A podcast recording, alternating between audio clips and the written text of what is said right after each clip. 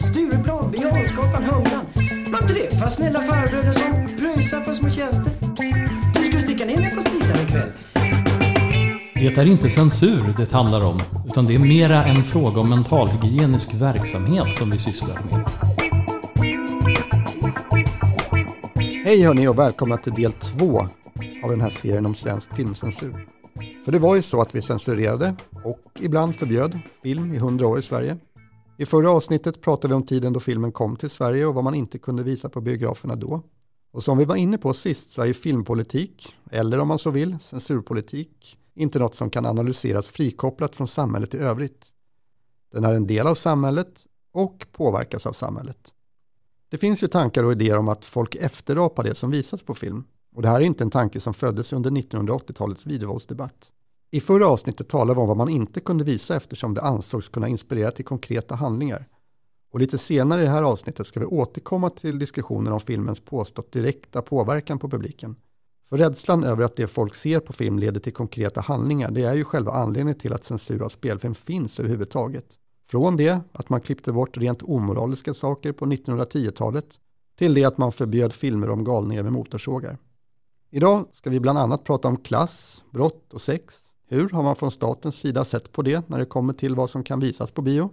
Men nu är det hög tid för mig att presentera dagens gäst, nämligen journalisten Emma Gray Munthe. Och vi är oerhört tacksamma över att du ville komma hit till oss och prata filmcensur.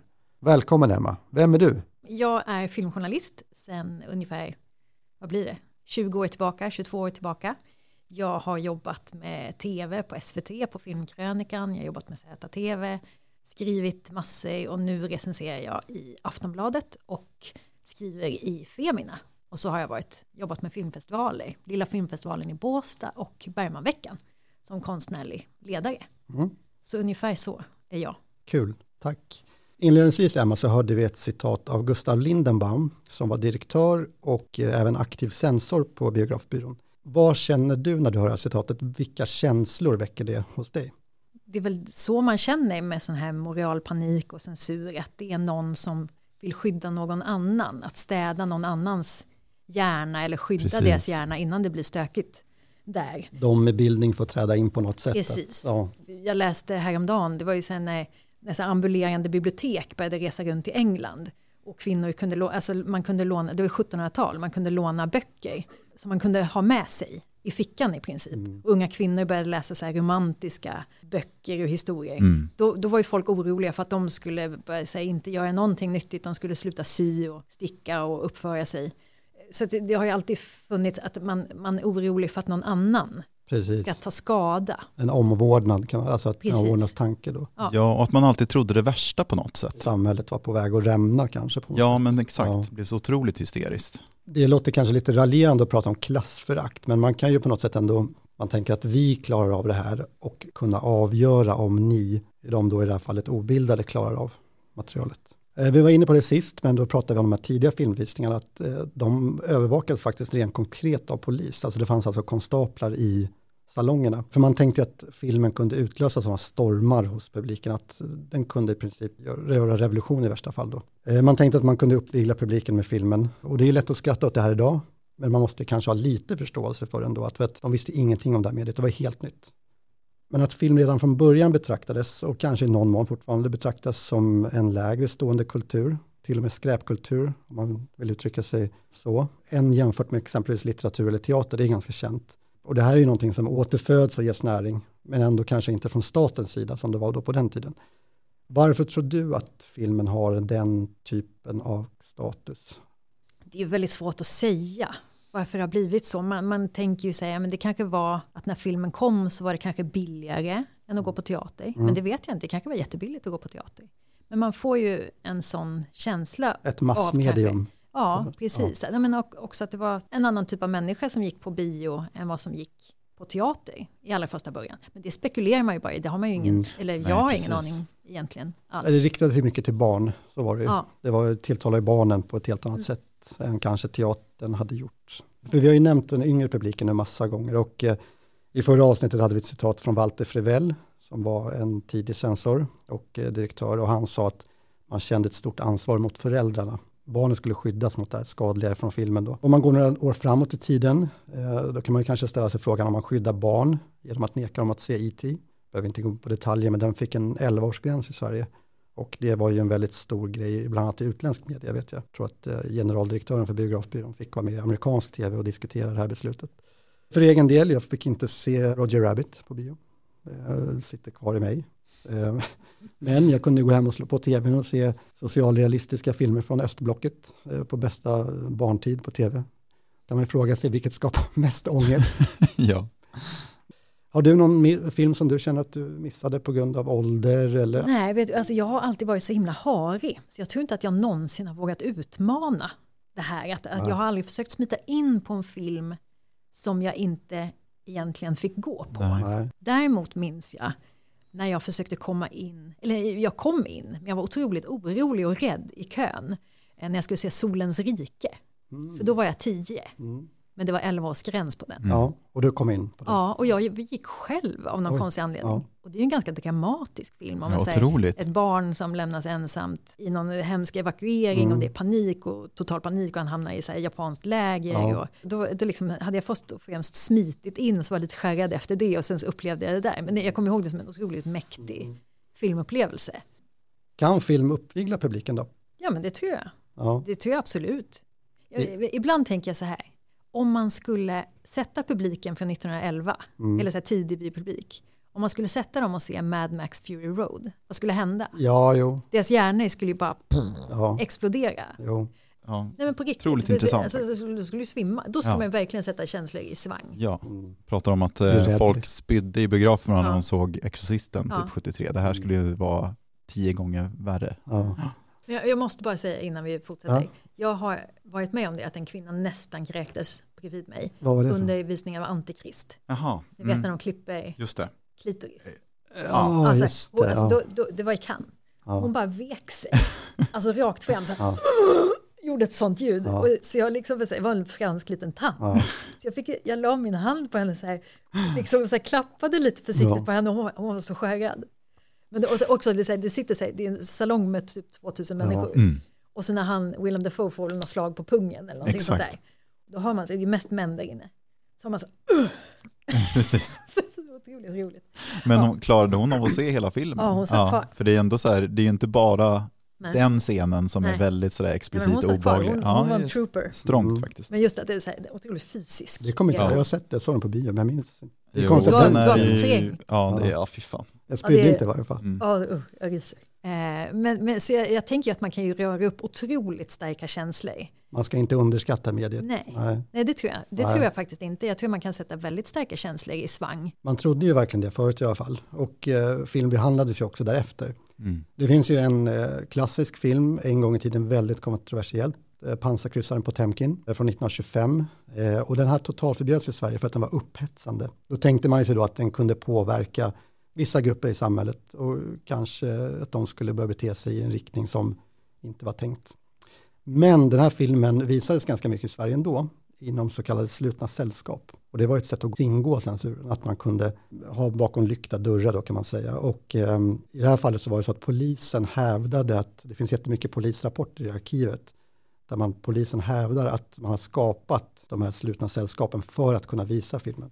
Och på samma sätt så hade filmens svenska distributör, som förmodligen hade betalt en ganska ansenlig summa pengar för att få visa den, och fått nej på det. Han hörde av sig till biografbyrån och frågade så här, jag, okay, jag, kan, jag erbjuder mig att klippa om filmen så att den inte är kommunistisk.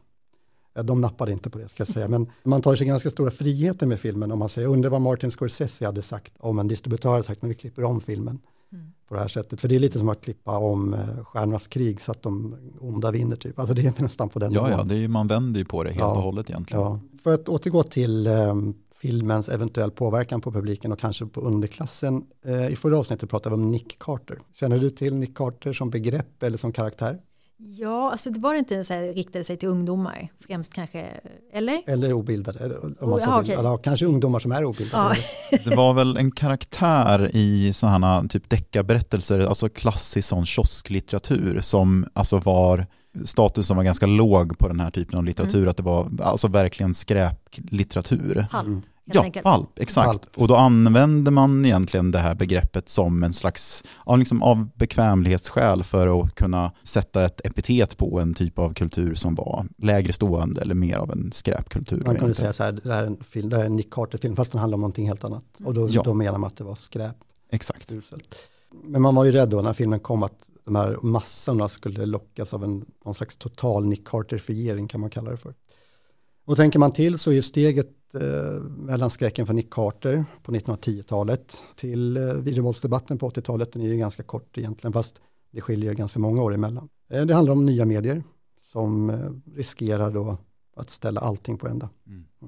Men vi har ju pratat eh, kanske lite raljerande då om den här von oben-mentaliteten som har rått och kanske i någon mån finns kvar spår av. Inte lika uttalat kanske. Det har inte helt försvunnit men det har blivit bättre som sagt. Eh, men jag ska läsa upp ett citat från riksdagen 1979 och så ska det vara lite frågesport för du ska få gissa vilket, vilket parti som den här människan är företrädare för som är den som säger så här i riksdagens talarstol. De här filmerna, och då pratar de om amerikansk film på videomarknaden. De här filmerna präglas av värderingar som är främmande för vår nationella kultur. Kan du gissa? Det är lösryckt förstås, men kan du gissa vad det är för citat? Jag skulle säga Vänsterpartiet. Helt rätt. Jag tänkte, jag, just när man säger det här med nationella kultur, då tänker man, Sverigedemokraterna fanns ju inte då, och definitivt inte i närheten av någon riksdag. Men jag, det kanske blev en kungfråga, kan det ha varit. Ehm, jag tänkte med något mer konservativt kanske, men det är faktiskt Vänsterpartiet, kommunisterna som de hette på den tiden. Och det var ur en motion de hade också då 1979 som tog upp massmarknaden för video och hur de kunde påverka, citat, de obildade lagren i samhället och då såklart samhället i sig. Och de här multinationella videoföretagen då, filmföretagen, de medvetet sprider en destruktiv kultur, en anledning som inte vi riktigt förstår i varje fall, och den här lättledda pöben hakar på då, och det vill man bli av med. Och märk väl att det är 1979 så det är inte 100 år sedan. Nej, precis. det är ändå det är relativt, nyligen. ja. men relativt nutida Ja, ändå. 42 år Ja. sedan eller något Mm. sånt. Men det är också det här med att det, att det alltid har funnits en, en rädsla för det som är kommersiellt. Mm, just det. Som, liksom, som Och att, eller att man tänker att det har någon slags närmare koppling till pengar. Och att Mm. det då, ja men Vänsterpartiet och liksom dåtidens Mm. rörelse, att de tänkte att det var fult därför. För att Och det var, amerikansk absolut, kanske. exakt. spelar roll också. Vi vet ju nu, efter att jag pratat länge nu, att eh, så länge biograffilmerna har funnits så har det ju ofta hänvisats till filmen som inspirationskälla. Antingen till brottsliga handlingar eller till rent omoraliska. Och det här har ju inte uppstått med videons inträde. Jag ska ta upp några exempel här. 1945 så var det till exempel tre rånare i Uppland som hänvisade till att de hade lärt sig det de skulle göra ur amerikansk gangsterfilm. Samma år så var det en pyroman som hävdade att han hade blivit inspirerad av lågor i dunklet eh, med bland annat Stig Gerrel i en av rollerna. Vad tror du Em om det här med film? Det, det är en diskussion som har funnits, precis som vi sa, så länge filmen har funnits egentligen. Kan film inspirera? Det är klart att film kan inspirera, det finns ju exempel på det. När jag var liten så var min syrra, hon är några år äldre, och pratade om Karate Kid. Alla skulle göra Karate Kid-sparken liksom och sådär. Har du något exempel du känner? Alltså något? Ja, men om man tänker sig Karate Kid, då leker man ju Karate Kid. Det är inte Precis. så att man inspirerar till att slåss och sparka folk blodiga på stan. Beroende på vem du frågar kanske. Mm. Ja, jo, det Ja. är sant. Det är sant. Men, men jag tänker till exempel om man tänker rökning. Mm. Mm. Det, det, det, jag kommer inte ihåg när det var, men då blir det att, att om någon röker i filmen Mm. så höjs åldersgränsen i USA. Det Ah, blir ju ja, någon ja, slags okej. ändring där. Mm. Men det är ju också för att de vet att det är en sån här otrolig Mm. lobbyindustri bakom. Just det. När man liksom genom film försöker försköna Mm. rökning. Exakt.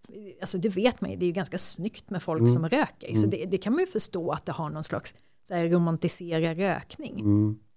Om man då tänker sig kanske romantisera någon slags Bonnie and Clyde eh, leverne, någon sån Mm. brottsgrej kanske man kan tänka sig. Mm.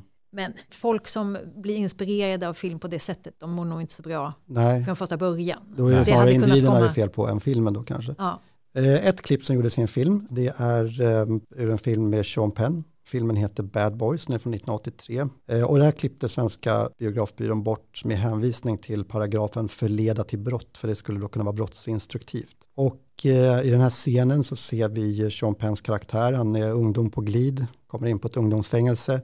Och som brukligt i genren fängelsefilmer så hamnar han i bråk med ett rivaliserande gäng. Och den som ser den censurerade versionen den ser Sean Penn gå till en apparat och köpa läskburkar. Och sen ser han några tuffingar som går ner för en trappa. Och sen helt plötsligt så visar den Sean Penn misshandlar de här personerna med ett kuddliknande föremål.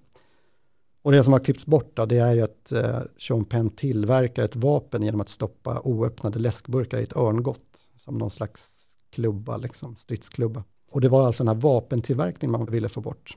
Eh, Det var ett sånt eh, klipp där man verkligen tänkte sig att det här kunde inspirera till rent konkreta handlingar.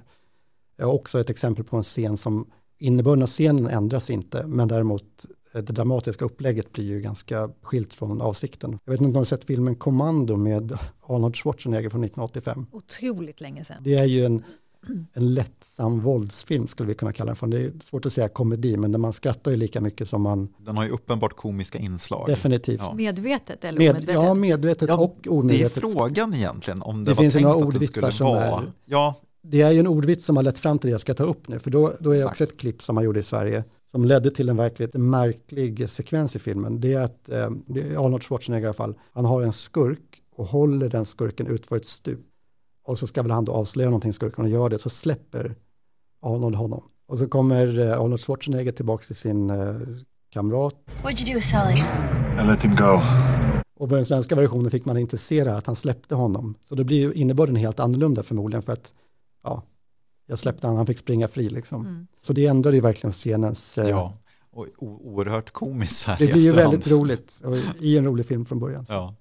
Men det var inte alltid våldsbrott, man klippte bort eh, självmordsscener. Det är ju inte brottsligt, har inte varit sedan mitten på 1800-talet tror jag, med självmord, men det togs bort konsekvent också. Från 40-talet så klippte man bort scener som beskrivs som Marie blandar arsenik i glaset och sådär. Så man såg inte hela självmordsscenen utan det var bara liksom en antydan till vad som skulle hända. Det togs Men det är väl för att man tänker att det där med att det smittar. Det är fortfarande väldigt många som Ja. inte, tidningar som inte vet hur de ska skriva om när någonting sånt har hänt. Man kanske inte Just för att man det. tänker sig att Ja. det här är liksom, Mm. Att det har den här smittande effekten. Så här Werther och självmordsvåg och sådana saker. Att man Ja. inte riktigt visste kanske hur man skulle Nej, hantera det. nej. Någon slags omsorg Ja. om publiken och kanske ungdomen.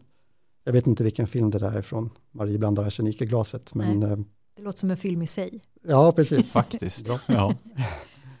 Men kan du gissa, Emma, vilket är, som är det vanligaste brottet som man har klippt bort med hänvisning till just förleda till brott?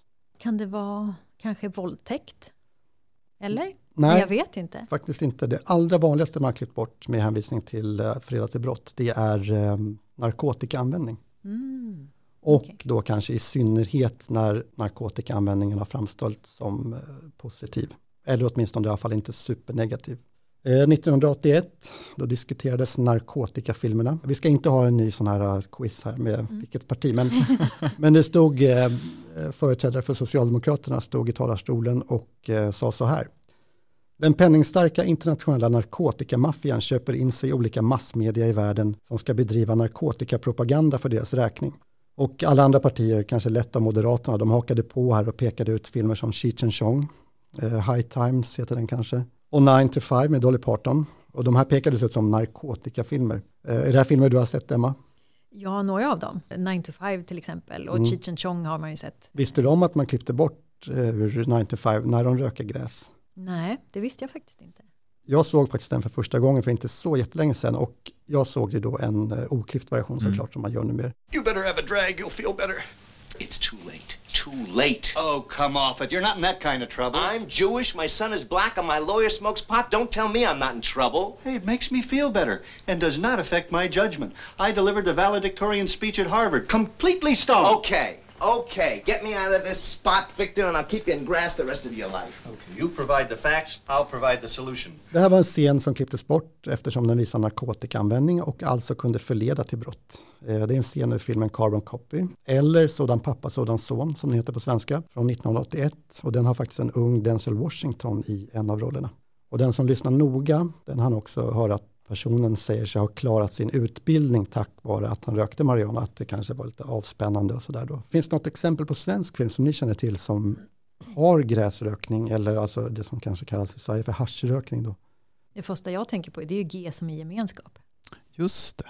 Han eh, röker De hittar en bit hasch hos honom, ja.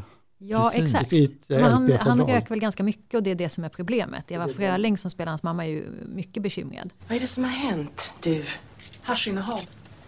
Hasch? Ja, vi tog honom i Vasaparken och vi misstänker också att det finns hasch i lägenheten här. För de är, han är lite hippieartad Precis. sådär. Ja, och så ska han, åka, han ska väl åka på Nej, han ska, väl, han ska väl på någon semester med någon har jag för mig. med Magnus Uggla. Exakt, Magnus just det. Uggla. Ja, just, just det. det. Mm. de ska ju åka någonstans tillsammans. Men det, det, är, ju ganska, det är ju ganska sorgligt det där. Vet du var er gemenskap finns? Den finns i haschet. Och tar du bort det så har ni ingenting tillsammans. Ja, så där är det inte. Vi har ett jävligt fint G tillsammans. Nej, nej, vad, vad dum jag är. Det är ju eh, Niklas Wahlgren som ska till eh, vad han nu ska. Tillsammans Disco med Magnus Uggla. Magnus Uggla. Just det, Just det, ja, ja, man blandar ihop dem där. Mm. Men, men han den andra, pårökta, han ska Just ju det. klippa sig och skaffa sig ett jobb. Ja, och då går det inte an att röka hasch. Nej, och tänker man då lite grann det här med alltså förleda till brott, att det inte skulle vara positivt framställt, så hade det varit mer positivt i den bemärkelsen så kanske man kanske till och med hade klippt i den filmen. Mm. Det vet man ju inte, eftersom det återigen är så tydligt just som i, i alla fall längre tillbaka i tiden att i Sverige så har vi den här liksom, skräcken mot narkotika på ett helt annat sätt än vad man har kanske i USA och då framförallt då gällande marijuana-rökning. Att det här är ändå porträtterat som någonting väldigt negativt i den här Mm. filmen och hade kanske varit på ett litet annat sätt i, ja, kanske en, en amerikansk kontext till exempel. Men nu när vi pratar om det där med eh, åldersgränser som höjs i amerikansk film, när de röker, då tänker man säga Seth Rogen, den här komikern som är med i Precis. eh, Knocked Up och massa komedier. Ja, Han eh, har ju gjort massa stoner-komedier, Mm. när hans figur är ganska pårökt och len i bollen. Mm. Han säljer ju nu på något sätt, I Kanada, Ja, eller, eller hur? han har ju ett eget företag Exakt. där han odlar sin egen eh, marijuana och sådär. Hans karriär kanske har varit bara en lång promotion-turné för att så småningom sälja. Den cannabis. internationella. här- Nej men, Ja, men, exakt. nej, men just det, för att nu är det ju så normalt och Mm. stoner-komedier, de kommer ju liksom, Ja, de har ju levt och Ja. frodats Ja. genom alla Mm. år. Ja, verkligen. Kommer ni ihåg Vi barn från Bahnhof Zoo? Det blev en grej. Ja. Vi lyssnar på ett klipp när Sveriges Television intervjuade en eh, censor om just filmen Barnen från Barn of Zoo. För de är upprörda över att de inte har klippt den. Den här filmen är inte avskräckande utan tvärtom förhärligar knark. Ja, det var det vi ville ha belyst genom att, att skicka den till, till, till den här Men, men, narkotikagruppen. ja, men eftersom ni nu har tagit ert beslut att släppa filmen så tycker ni uppenbarligen då att det inte är Nej, förhärligande. vi, vi bedömer den inte här och inte Filmgranskningsrådet och inte de medlemmar av gruppen som var här bedömer den inte. Eh, Bedömer den så som klart avskräckande och jag kan... Men enligt andra källor, man säger västtyska tidskriften Der Spiegel, de skriver att, att filmen har motsatt effekt. Ja, det, det, det är mycket möjligt. Alltså det, det här kan ju... eh, Det kan ju jag vet inte, jag har inte sett där Spiegel men jag tror ju naturligtvis dig på ditt ord. vad, vad ska man tro på då? Ja, alltså det är så långt är det alldeles Ni klart. tror på socialdepartementet? Så långt är det alldeles klart att vi kan inte bedöma filmer med hänsyn till vad Der Spiegel skriver. Det är fullständigt uteslutet. Utan vi får gå ut ifrån svenska förhållanden. Det var ganska svårt och de inhämtade också råd från eh, narkotikanämnden eller någonting. Mm. Är det här positivt eller är det negativt? Men då ändå kommer fram till att det här porträtterar inte som något särskilt positivt. Och Nej, det kan man verkligen och säga. därför var det Nej, alltså för den som har. Precis, för har man sett filmen och förstått dess innebörd så kan man inte tolka den som att det är någonting positivt Nej, överhuvudtaget. nej, den den är är så misärartad så Det kan bli det kanske. bara kan Ja. bli. Vilket Ja. gör det hela intressant för det blir egentligen en icke-diskussion i den bemärkelsen Ja, det, faktiskt. den är verkligen en anti-knarkfilm. Ja. Allting går på käpprätt för alla inblandade. Ja, den är exakt. hemsk. Men det vi vill illustrera lite grann också, att det visar ju också den utsattheten som de här människorna som jobbade med censur hade för att klippte de inte en film, då fick de skit för det av kanske en reporter eller arga föräldrar. Men klippte de en film så kanske de kunde få bombhot av någon som, som ville se den här filmen. Ja. att det är verkligen, eh, Ja men den visar ju på den, utsatthet. den, precis, den problematiska rollen som Mm. den hade som den stod hela tiden mellan, ja, men mellan två viljor på något två sätt. poler kanske Ja. man skulle kunna säga. Ja. Det finns ju exempel på scener där droger används på ett ganska förskönande sätt som har sluppit igenom. Och i första hand tänker jag på filmen Poltergeist. Den är från 1982. Och det finns en scen i den där de här föräldrarna i filmen, de har en väldigt mysig föräldrastund i eh, sitt sovrum där de röker gräs och har kul. De pratar och har jätteroligt liksom. Och det sker helt alldagligt där. Och de har heller inga problem att glida in i en ansvarsfull föräldraroll när barnen knackar på och inte kan sova. Den här gick igenom censuren helt och hållet. Då ska man också påminna om att filmen Poltergeist, den var tillåten från 15 år, medan då Carbon Copy, som vi tog upp exemplet tidigare, den är från 11.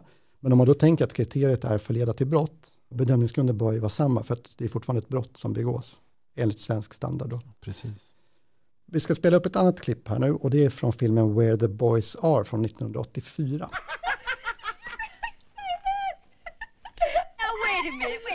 Tell me nothing happened with you and Peter or Brad behind the ivy wall? No, not once. I've only had six experiences, and that counts the two times where I just kind of shook. While everyone else was playing doctor, I was trying to figure out how to marry one. Det man klippte bort här, det var när ett gäng unga kvinnor, de kanske är på spring break, men de röker gräs och har väldigt roligt. Var det här då för att förleda till brott? Nej, det var inte den grunden man hade använt, utan det var grunden som heter psykisk skada för barn. Eh, Jag misstänker att du inte har sett den här filmen, Emma? Nej, och den ser ju ljuvlig ut. Mm. Jag vill ju absolut se Jag vill den. se den också, den är Det ser ut som en vänskapsfilm som eh, Lättsam ser, ja, ser fantastiskt high ut. school-film. Ja, jag Alla blev jättenyfiken, liksom. så den ska jag absolut försöka ja, leta upp. jätterolig trailer också med dråpliga situationer och sådär. Ja. Men som film är den kanske ganska obetydlig, men vi tycker att filmens behandling i Sverige är ganska intressant. Och eh, vi har väl lite teorier om den här. Det är unga kvinnor med i klippet, kvinnor som inte bara röker gräs, utan de pratar om sex också och om killar. Kan det spela in tror du? Gud ja, den tråden jag kan se genom nästan de flesta av dem, det handlar ju om så här, kvinnor som inte är som kvinnor ska vara, tycker Precis. man, eller att det är så här, osedligt, det är inte det här rena och oskuldsfulla, utan att det är någon, så här, ja men som det här, de är Mm. pårökta och har kul och pratar om sex, eller Mm. Kvinnorna som anklagas för att vara häxor i, i eh, stumfilmen Häxan. Mm. Och, och liksom så här, rape revenge och, och liksom alla sådana här filmer, det handlar ju om så här, att rollerna är kanske ombytta, eller man får Mm. se någonting som man inte vanligtvis brukar få se. Det finns hur många som helst där unga pojkar röker gräs och att det är en del av handlingen egentligen. Ja, eller pratar om sex väldigt här åker till eh, Florida och raggar på brudar eller någonting. Exakt. Här har de bara vänt på det. Att Ja. det är ett gäng unga kvinnor då som, som gör det och då klipper man bort. Sen tänkte jag på filmen Tillbaka till framtiden, alltså den första filmen. Mm. Där är ett band som spelar på skoldansen. Det är ett band med afroamerikanska musiker. De röker gräs. Mhm. Och den här filmen blev tillåten från 11 år. Då väcker det tankar hos mig i varje fall att ser man det som en naturlig del av att det är rätt grupp som röker gräs. Alltså att det är afroamerikanska musiker som röker gräs. Det är naturligt kanske, jag vet inte. Eller tänker de som tittar att nej, men det kommer barnen inte fatta ändå. Det skulle kunna vara så, men det är en replik som Ah, eh, okej. någon av dem som har såna coola briller på sig. Mm. Och eh, han säger så här, Hey, hey, listen, guys. Look, I don't want to mess with no reefer addicts, okay? det är möjligt att den svenska versionen, jag vill inte ha bråk med musiker, jag vet faktiskt inte, men det refereras till att de Mm, varje fall. okej. Så där har man inte klippt och den är tillåten från 11 år. Mm. Så det, det väcker också lite tankar då, till skillnaden från det här uh, från uh, Where the Boys Are med kvinnorna då. Men hur har det varit med genustänket då, rent generellt när man har censurerat film? För att eh, i förra avsnittet så pratade vi om att de, en av de första censorerna, det var en kvinna. Och det var uttalat så att rollen var vik till en kvinna. De skulle ha två män och det skulle vara en kvinna. Så de hade ju uppenbarligen någon slags tanke att kvinnors intressen skulle bevakas. Alltså någon form av kvotering. Så det är väldigt intressant att prata om genusfrågor och filmcensur. Eller så tänkte man kanske att den här kvinnan skulle bidra med någon slags renhet och någon oskuldsfullhet. Så kan det ju också Så ha kan det varit. också vara, absolut. Eh, Ja. Någon slags vårdande egenskap. Som verkligen skulle se till barnens bästa kan man tänka sig. Och kanske de unga kvinnornas bästa Exakt. i synnerhet då kanske. Mm. Ja. Ja, men definitivt. Jo. Men det är jätteintressant att diskutera med kön och filmcensur, för det som faktiskt får visas på duken, det speglar ju samhällets värderingar och på samma sätt så speglar ju det som inte får visas också värderingarna. Så är det ju, det styr ju helt och hållet. Exempelvis så kan man ju tänka sig att man klippte bort vissa saker för att de kunde äventyra vissa roller och värden. Någonting som kanske hotade kärnfamiljsrollen. Man kanske inte ville visa det. Och det här är ju någonting som inte, det finns inte med i juridiska förhållningsreglerna, men rent praktiskt så borde det ha spelat in. Under långa perioder så hade man också en ganska juridiskt tveksam term för klippning med hänvisning till strider mot goda seder och det blir ganska godtyckligt. Ganska Ja. godtyckligt. Ja, förlåt, jag- Vad är en jag försöker god uttrycka mig diplomatiskt där, men Ja. absolut, eh, det ska Ja, det man låter som definitivt något som man säga kan inom Pressa in allt möjligt under. Vad om man, man vill, inte har precis. något annat. Liksom. Lite beroende på vem som hamnar på censorstolen Ja, också. förstås. Vilket man också gjorde god känns det som. Ja. Precis. Mm. Så därför ser man ju också i arkivet så ser man ju om man följer de här hundra åren så är det ju också väldigt stor skillnad. Jag har också hört att filmdistributörer blev väldigt bra på att veta när vissa granskare jobbade så att de såg till att få sina filmer granskade när de, någon var ledig och sådär. Mm. Ja, helt säkert måste det ha fungerat så. Det, så är det, det är människor, inget Mm. konstigt i sig. Nej. Det fanns inte juridiska, men faktum är att 1929 då fick eh, biografbyrån rätt att föreskriva om en film fick visas bara för en manlig publik eller en kvinnlig publik.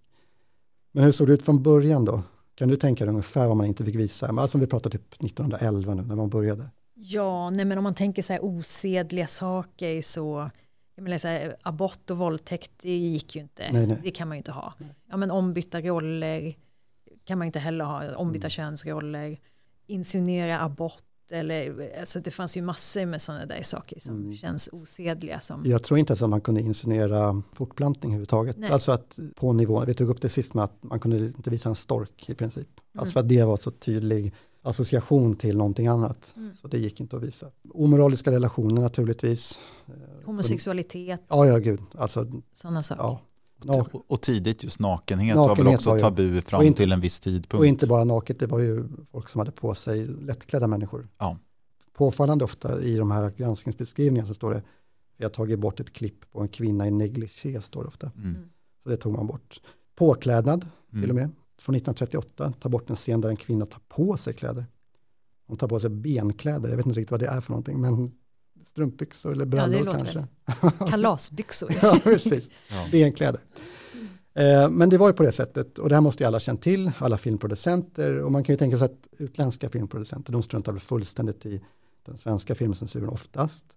Men man kan ju åtminstone tänka sig att svenska filmproducenter, att de på något sätt anpassa sin filmproduktion efter att vad de vet kommer gå igenom eller inte. Ledde det till självcensur innan man lämnar in filmen för granskning? Troligt. Det är ganska dyrt att spela in film. Men man kan ju tänka sig att självcensur ändå förekom. Det fanns ju ingen idé att lämna in film som hade damer i negligé eller som innehöll någon form av nakenhet. Men det fanns uppenbarligen de som ville utmana det här systemet och eh, testa. Och det finns en scen ur den första filmen om 91 Karlsson som är ganska rolig och vi har tittat på det här klippet tillsammans Emma. Och vi har grubblat, alltså varför spelar man överhuvudtaget in scenen tror du? När man tittar på den nu så tänker man, oj, när kom den? 1946 kom den Ja, filmen. men då, då ser jag massa svenska vackra kroppar framför mig, alltså lite så här kroppsideal. Skärgården. Ja men, Ja. Också, ja, men också lite, lite fulare, lite tysk kroppsfascism. Lite så, så här, Kroppsdyrkan nak- Kroppsdyrkan. Mm. Det kanske var något sånt där, att man tänkte att eh, nakna svenska kvinnor, Ja. eh, liksom, att de har gjort sig, jag vet inte vad heter det, solflickorna, det, ja. Ida-flickorna, gymnastik, nakna. Nej jag vet inte, de myllrar omkring i något. Vi ska ju beskriva scenen också. Det är 91an, komisk figur, som gömmer sig i en tunna i ett eh, omklädningsrum. Och sen kommer det in massa kvinnor som klär av sig kläderna. Kanske kommer ut från en bastu eller någonting. Ja, eller, någonting. eller dusch. någon form av badhus eller så. Ja, Och de är verkligen nakna, de är inte liksom benkläder eller negligé utan de är verkligen full frontal nudity. Allt rubbet. Och sen givetvis då i och med att det är en komedi så ramlar den här tunnan och 91 ramlar ut på golvet. Och så blir det kalabalik och så är det rolig musik. Exakt. Eh, lite fryntligt sådär. Men den är ju väldigt speciell scen för att det är, det är väldigt sällan fortfarande än idag att nakenhet på film är sådär otvungen. Mm. Ja, alltså det är ja, liksom ja. inte så att de är inte sexualiserade Nej. eller liksom Nej, glider nej, nej, runt med så ben ut med dörrkarmen eller sånt där utan de springer bara omkring som folk gör i ett omklädningsrum. Liksom. på något sätt. Allting hänger och Ja. slänger och dinglar. Det ser ju ganska härligt ut Mm, om man ja, jämför. För sådana scener Tills skulle man ju inte få se idag ens. Så det var inte så konstigt att de klippte bort den. Nej, och det är det jag tänker, att, 1946 liksom att jag känner nästan så att det är kul att han utmanade regissören då. Nu sa jag han, jag bara förutsätter att det är han. Att utmana systemet, men jag får någon känsla att han kanske ville spela in den här scenen. Att det var, det jag vet kul. inte, Kan alltså, var- nu så. leker jag med tankarna, men att, Ja. att det var kul. Han måste i alla fall varit väl medveten om att den sannolikt skulle klippas. Man kommer inte få visa nakna rumpor på film. Inte 1946. Och inte definitivt nakna inte. framsidor heller. Nej, Nej. definitivt inte. Väldigt före sin tid Ja. måste man säga. De hade säkert kul när de spelade in den. Mm. På 20-talet, för att få en film tillåten för barn, klippte man bort någonting som beskrivs som scener med en demimonde-dam. Vet du Emma om vad en demimonde-dam är?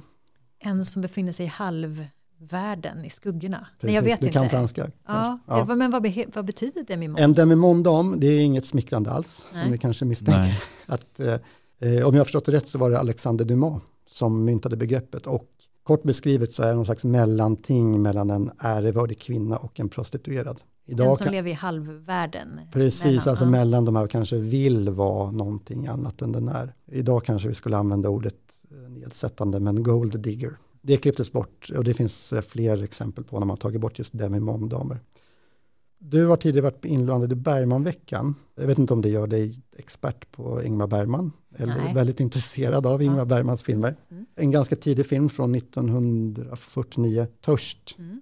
Där klippte man bort något som beskrivs som ett homosexuellt närmande mellan två kvinnor.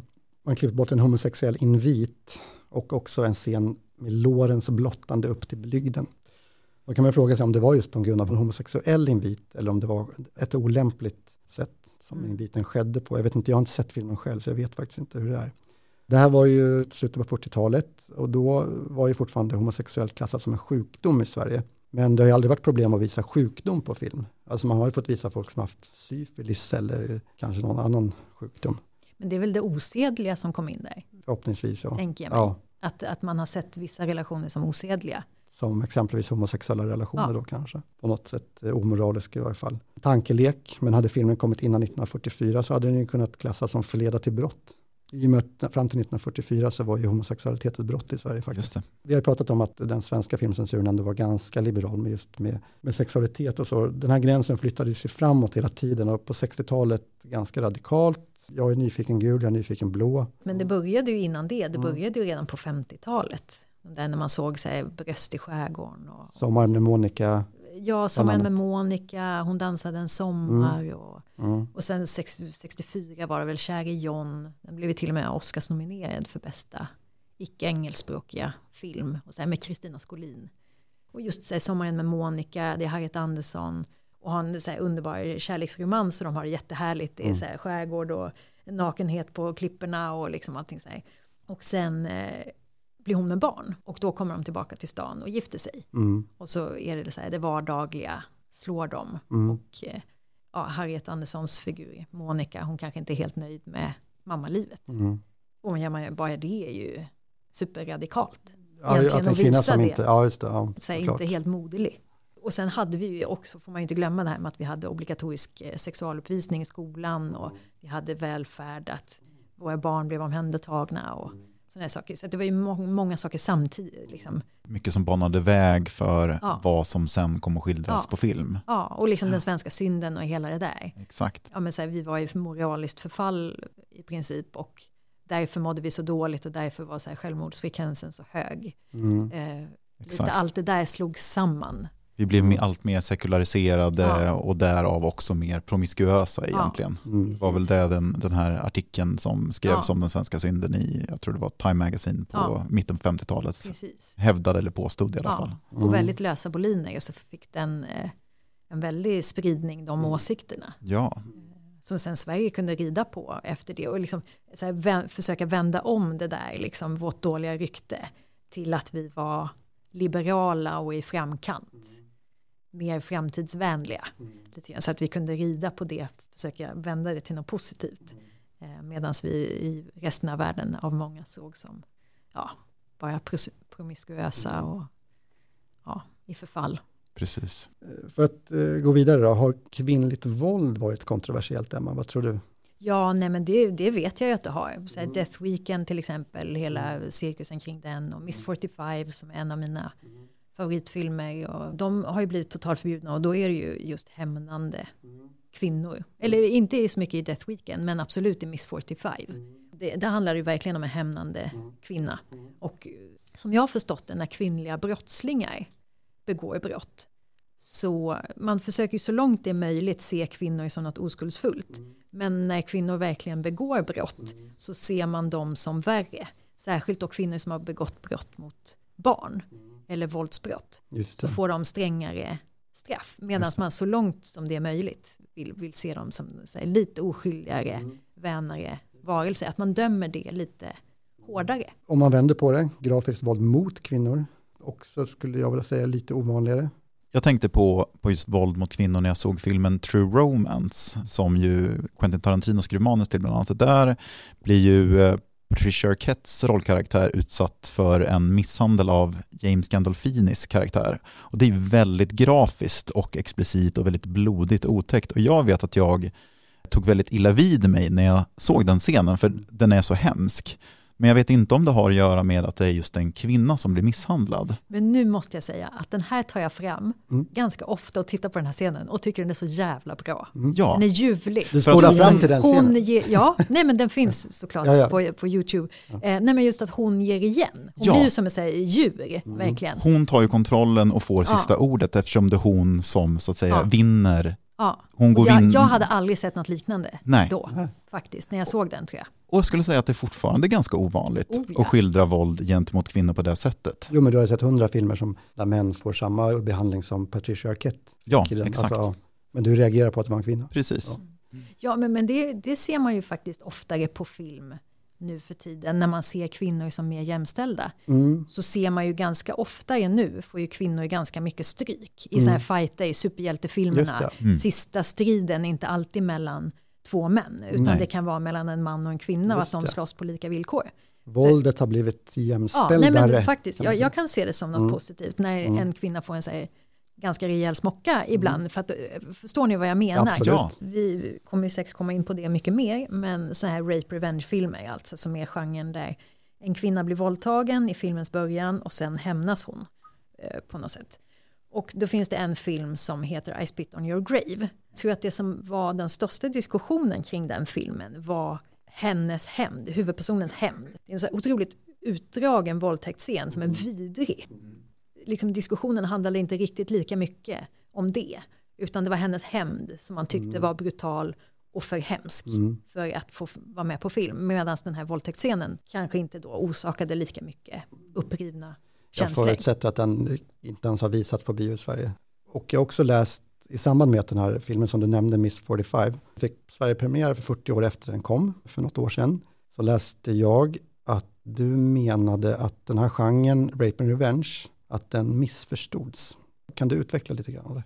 Jag tror att man i många diskussioner utgick från när de här filmerna kom, att de som skulle titta var en manlig publik. Och att man på något sätt tänkte att då våldtäkten skulle bli något kittel för eh, publiken. Mm. Och att det var det som var något problem. Medan man tydligen inte ens såg då att den här hämnden, att den kunde vara så här, man tänkte sig inte att det var kvinnor som skulle sitta i salongen och tycka att det här var ganska förlösande på något sätt. Medan många av de här filmerna har idag omvänts till liksom och blivit lite feministkultklassiker. Medan man då, ja, man, man såg inte riktigt alltid de här filmerna för vad de var, vad de hade för agenda. För jag menar Death Weekend och Miss 45, de har ju en väldigt tydlig feministisk agenda tycker jag. Att det är liksom, Absolut. för i båda de två filmerna innehåller ju så här vardagssexism och så här, liksom situationer som kvinnor ofta ställs inför. Det är så här catcalls på gatan eller det är ett photoshoot med någon slemmig kille som liksom Death Weekend, tandläkaren, han, liksom, han är inte bara slemmig, det skulle man väl kunna leva med, men han också, när hon duschar hemma hos honom så, ja. så har han ju så här spegelglas Mm. som han filmar henne igenom. Så det är ju ganska grovt övertramp där. Det är, det är ganska tydligt att det, det finns en tanke där och att det finns här, visar på sexism och en orättvis situation. Och att man då, den här hämnden, man förstår den mer eller mindre. Kanske inte så mycket i Miss 45, för hon blir ju helt bananas och dödar ju lite random. Kanske går över gränsen, men ja. ja, precis. Eh, men, men i Death Weekend så är det ju fullt förståeligt. Ja, ja. Men då, då tolkades ju hon till exempel av många som att hon bara säger sadistisk hämnd.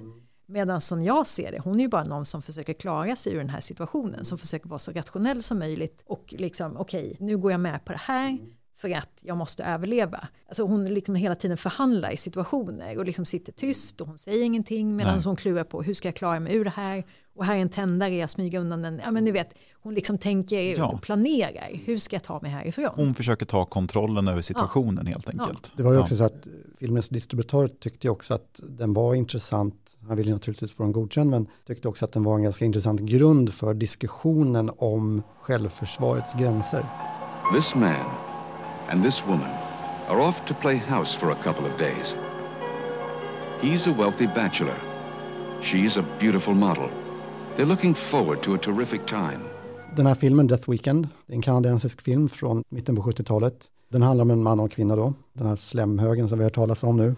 De åker ut på landet till hans vräkiga hus någonstans i Kanada. De är inte ett par tror jag. Nej. De dejtar, kanske Han jobbar vill. tillsammans. Han vill att de ska bli ett par. Han har ju planer Ja, för det, vad som ska hända under Han vill nog ha sex med henne Ja, på landet. någonting ska ju hända i varje fall. Det är hans Ja. tanke med den här helgen då. Men på väg då till det här huset så råkar de i bråk. Eh, Det är ett klassiskt upplägg Rape and Revenge med några lokala busar som börjar terrorisera dem i det här huset. Och sen så följer hela dramaturgin. Mannen blir dödad först. Det eskalerar hela tiden. Och sen sker en våldtäkt. Och sen kommer ett hämndscenario. A 200-year-old mansion surrounded by acres of woods and crystal blue water. An isolated hideaway, miles from anywhere and anyone. But that's where the beauty ends and the nightmare begins. Den här filmen lämnades in första gången 1976 i Sverige, oktober. Och blev eh, avslagen och filmen blev förbjuden.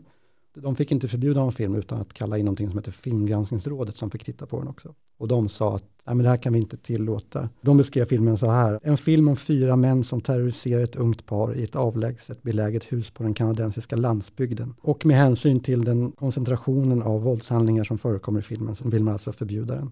Och eh, biografbyn biografbyrån själva då, de kallar det för en spekulation i våld. Den här distributören då som hade köpt in den här filmen, han var ju väldigt ihärdig och lämnade in den gång på gång på gång på gång. Omklippt i vissa gånger, så ibland så var den oklippt. Men den blev förbjuden sju gånger mellan 1976 och 1990. Två gånger så överklagades det hela till regeringen och det blev avslag de gångerna också. Det blev väl en, eh, en långkörare helt enkelt och under perioder så blev det också ganska stor medial debatt om det här. Bland annat då Per Ahlmark, eh, liberal politiker, han kallade den för en viktig film, tyckte han. Principiellt, han var ju också väldigt anti filmcensur. Så han såg väl en chans också att angripa en motståndare. Jan Guillou, eh, som förmodligen varenda svensk känner till, han gav sig in i den här debatten också och menade att det här förbudet då som biografbyrån gjorde, att det var politiskt. Han tolkade då den här filmen som att den handlar om så här, rätten att försvara sig. Mm.